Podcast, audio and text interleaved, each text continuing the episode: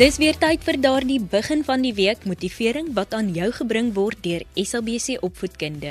Ek is Denita Kadelo en jy luister na Kompas op RSG 100 tot 104 FM.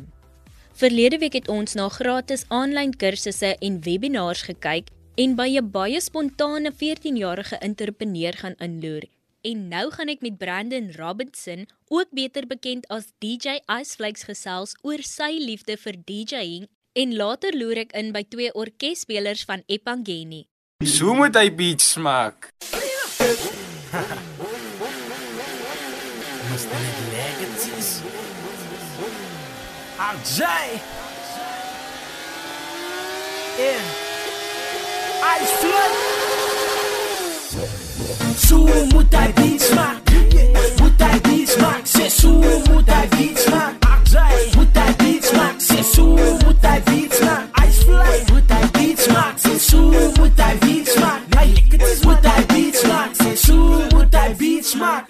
Brandon, wat het jou na musiek toe aangetrek en spesifiek DJing? Hallo Tanita. Um ek kan dit kort hou. So jonger was dit het ek in 'n dansgroep gewerk en dis maar waar musiek beliefde begin het en ek het dit volhou met dans en toe ek maar begin om 'n DJ te word. Jy het ook grafiese ontwerp studeer. Hoekom die skills wat jy hier geleer het van toepassing op musiek en DJing?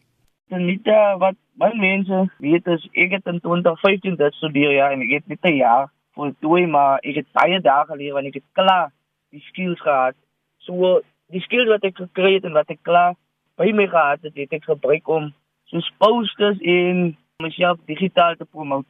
Daai skills het ek gebruik om verder in my DJ loopbaan te gaan. Wat is van jou hoogtepunte? Um as ek nou terug moet kyk, ek DJ nou vir 6 jaar. So as ek moet terugkyk, het ek baie hoogtepunte, maar om van een hoogtepunt te praat is toe ek hierdie jaar weens COVID toe ek my favorite radiostasie soos Good Hope FM ek daar kon gespeel het. Dit is een van my hoogtepunte. En hoe het dit gevoel toe hulle nou vir jou laat weet dat jy as gas by hulle kan kom speel? Um ek was like ek was impressed met myself. Dit was like amper soos 'n droom wat waar geword het. Want dit was een van my goals toe het ek daai goal bereik. En nog 'n hoogtepunt was toe ek vir die meubelwinkel vir hulle hulle produkte ook kon promote. Brandon, hoe voel dit vir jou wanneer jy in 'n plek kom en mense stroom na jou toe of kinders kom na jou toe en hulle herken vir jou? Anita, ek het nou die dag toe ek deur my foto's gegaan, het ek op seker so 5 foto's afgekom waar ek by 'n winkel gestop het in 'n dorp. Toe ek normally net wil geloop het en toe sien ek maar klein kindertjies, hulle kyk heeltyd vir my en, sal, en my vriende sê vir my toe, "Jong, hulle wil seker maar 'n foto van ek dink toe nee, dit kan nie wees nie." Toe stroom hulle na my toe. Ja, dan net dit my hart dat klein kindertjies vir my wat ek nie eens ken nie, maar hulle ken vir my. En dit gaan so veel soos in die Ooskaap waar ek ook al gespeel het. Dit speel net hart. Ek kan my indink hoe dit moet voel as iemand net onverwags na jou toe kom en 'n foto soek en jy is heeltemal uit die veld geslaan want jy verwag nie mense gaan dit doen nie. Wat is jou toekomsplanne en met watter DJs of Suid-Afrikaanse kunstenaars sal jy graag wil werk? As ek nou wil moet sê wat my toekomsplanne is, met DJing gepaard gaan sê mense mos daar is nie regte toekoms nie. Maar ek kyk dit weer uit 'n besigheidsoogpunt. So as ek my vorentoe gaan sal ek wil hê met DJing moet my finansiële stabiliteit gee. So in my mense aan wie ek graag wil werk is my favorite mense soos as DJ Simza en DJ Kent. Want Simza doen baie vir ander DJs. So uh, DJs wie ek wil werk sal hulle toe wees en ek sal graag wil hê jonger DJs wat opkyk na my moet in die toekoms moet hulle saam my kan wees. Jy luister nog steeds na Kompas op RSG 100 tot 104 FM saam met my Tini Tikkedilo en ek gesels met Brendan Robertson, beter bekend as DJ Iceflakes oor die musiekbedryf en DJing. Jy het nou genoem dat mense sê DJing is nie 'n regte werk nie. Hoe voel jy oor hierdie comment? In 'n mate stem ek ook saam met hulle in 'n ander mate stem ek nie saam nie want baie mense sê jy moet iets hê om terug te val. Ek sal sê vir in se danga hoe jy na die tipe loopbaan kyk want baie DJs raak DJs net vir nou. Hulle sien dit as 'n besigheid. Ek sien dit weer as 'n besigheid. Verstaan jy? So ek sal sê, kan dit toekoms wees as jy weet hoe om daarna te kyk en jouself regte bemark en die regte prosedures volg. Ja, ek dink ook dis belangrik om te kyk daarna met die oog van as jy dit dan nou baie graag wil hê, you make it work. Yes, yes, want ek sê altyd vir myself, dis die gawe gegee deur God, die talent is jou gegee. So hoekom dit begrawe? En ek sê altyd vir myself, ek het die gawe gekry om my talent my eie paycheck te maak. So ek moet harder werk. Net soos jy daar sê, um jy het nou gepraat van jy het die gawe gekry om jou talent, jou paycheck te maak. En nou tydens COVID-19 weet ons dat meeste van die clubs en fasiliteite is maar toe, so jy het nou nie eintlik 'n plek waar jy kan gaan speel nie. Hoe hanteer jy dit en wat doen jy nou in hierdie tyd? Ja, soos ek sê dat niemand het COVID wil speel nie en dit baie mense omgeslaan. Ek probeer positief bly. Brandon, mense dink altyd dat DJing hierdie glamorous lifestyle is. Wat is van die struikelblokke wat jy al moes oorkom het? Anita, ek dink die prentjie wat sekere ander DJs skep op sosiale media platforms gee vir mense 'n ander tipe siening van DJ. Because hulle post miskien goed waar hulle net die beste lifestyle wys van DJ, maar hulle wys nooit die die ander kant ook nie. So 'n struikelblok wat ek in die begin gekry het was, ek het nie geweet hoe om met baie jaloesie te deel, verstaan jy? Want dit is mense na aan jou wat ook jaloers op jou sal wees. So dit ek hier weet hoe om te maak, want nou voel ek ook sleg, maar met tyd hoe ek gegroei het in hierdie industrie, het ek begin weet hoe om met jaloesie om te deel. En mense wat probeer negatief wees oor jou en dan het ek al daai goed omskep om, om positief te wees. So daai is een van die struikelblokke. En wou jy altyd in die bedryf ingaan of wou jy iets anders doen na skool? Ehm um, na skool het ek al iets die liefde gehad vir DJing. Ehm um, dit was maar seker so 2 jaar na skool wat ek besluit het dit kan werk. Maar ek het gevoel dit kan nie werk nie want ek so gevat niemand sien my raak nie. En in die in industrie werk dit ook maar so iemand moet seker my uitstep vir jou om in te step. En ongelukkig het ek of baie gelukkig vir my pa het ek so hard gewerk dat ek in die industrie kon ingestap het en honorie is verstaan jy ek sê hier om iemand anders se skoene voor te staan ek is liewer hier om skoene te create sodat iemand anders in my voetstappe kan volg daar sê en ek dink dis belangrik dat jy ook 'n goeie ondersteuningsstelsel moet hê. Wie is jou grootste ondersteuners? Um ek gaan sou sê dit is my twee vriende wat my span vorm wat my elke keer van my is is my vriende. En dan is dit mos nou maar natuurlik my meisie. My meisie het my gebring op baie sy is 'n goeie ondersteuner van my en dan is dit my familie Wat is jou raad aan ander jong mense wat ook iets buite die boks wil doen, maar te bang is dat hulle nie suksesvol gaan wees nie? Denita, ek gaan wil sê dat baie mense moet nie bang wees om te faal in wat hulle doen nie. Want as jy nie suksesvol gaan wees nie, dan moet jy leer uit om suksesvol te wees. So ek sal sê as jy jou mind plaai op iets wat jy graag wil doen, dan moet jy alles insit. En een iets wat ek altyd doen is om saam God te praat.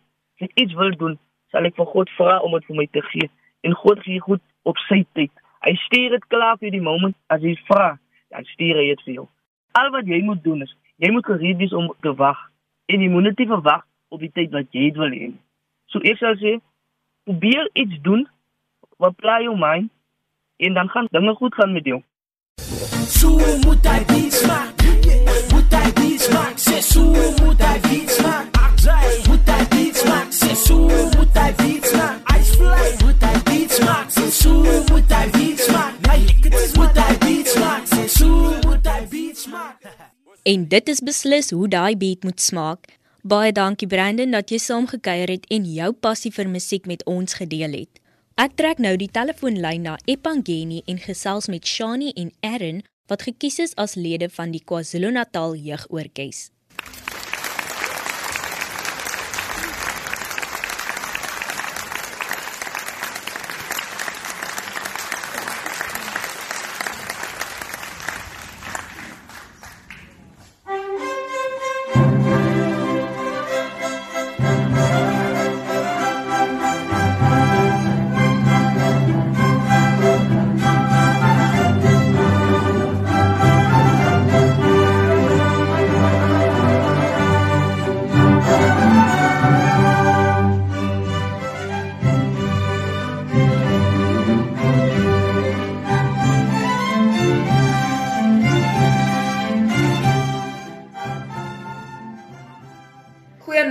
Goeienaand. My naam is Erin Klassen. Ek is Shani Bester.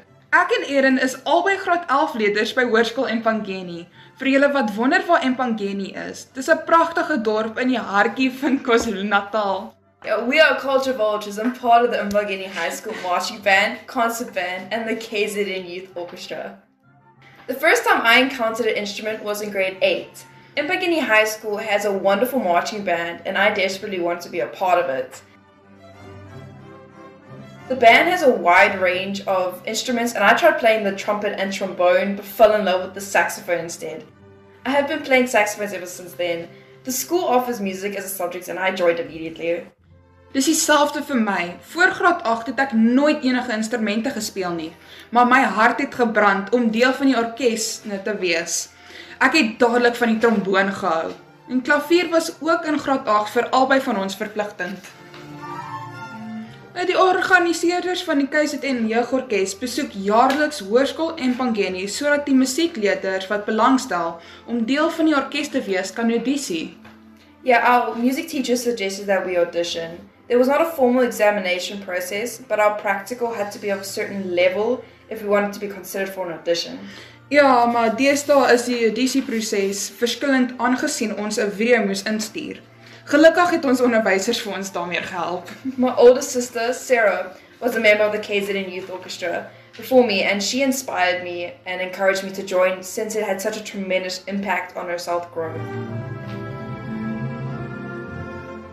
We were just overjoyed. To us, it was like being accepted into another Yeah. family. Almal was ongelooflik trots op ons. Yeah, we were very grateful for our family and friends who supported us. Inperking het almal se lewe geweldig beïnvloed, maar ek dink alle kunstenaars sukkel geweldig daarmee om nie hulle passie uit te leef nie. Alhoewel die orkes as geheel nie saam kon oefen nie, probeer die bestuur hulle bes om ons te help. Yes, they would send us music that we need to practice. We have a deadline ma- to master the music and then send them a video of ourselves playing the particular piece. It helps, but I do miss our friends in the orchestra though. Ja.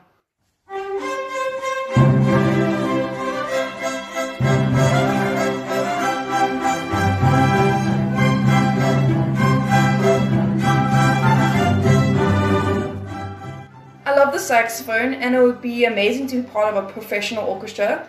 My dream is to study veterinary and I will add an extra service to the animals, music mm. therapy. I have two role models, my music teacher, Jeffra Lorette Upton, and our band coach, Mania Ronia de Brain. They do not only teach us to love our instruments, but to love the art of music just as much. They are who inspired me to get as far as I am now, with my mother and sister supporting me and encouraging me. Ek het 'n passie vir tromboon en sal altyd speel wanneer ek kan, maar ek wil eendag 'n visuele kunstenaar eintlik word. My rolmodelle is JJ Johnson, Frank Rosalino en Carl Fontana. En saam met my musiekonderwyser meneer De Bruin en meneer Frampton. Hulle het vir my geleer hoe om tromboon te speel en ek sal altyd dankbaar wees vir wat hy vir my gedoen het. I want to inspire young musicians who are afraid to put themselves out there and who are scared to play loud in case of playing the wrong note. Moet nooit opgee nie. Enige meester moes eers 'n beginner gewees het. As daar een ding is wat jong mense beslis bymekaar bring, is dit musiek. En op daardie noot groet ek ook vir vanaand. Dankie dat jy saam gekuier het. Onthou indien jy enige van ons programme gemis het of selfs net weer daarna wil luister, kan jy dit altyd afhaal by rsg.co.za. Klik net op die potgooi skakel en soek onder K vir Kompas. Jy kan ook 'n SMS stuur na 45889 teen R1.50 per SMS of 'n e-pos na kadilou@sabc.co.za. Kompas word aan jou gebring in samewerking met SABC Opvoedkunde. Percy Mogale was ons regisseur en die program is ook voltooi onder leiding van Sharifa Swarts, ons uitvoerende regisseur.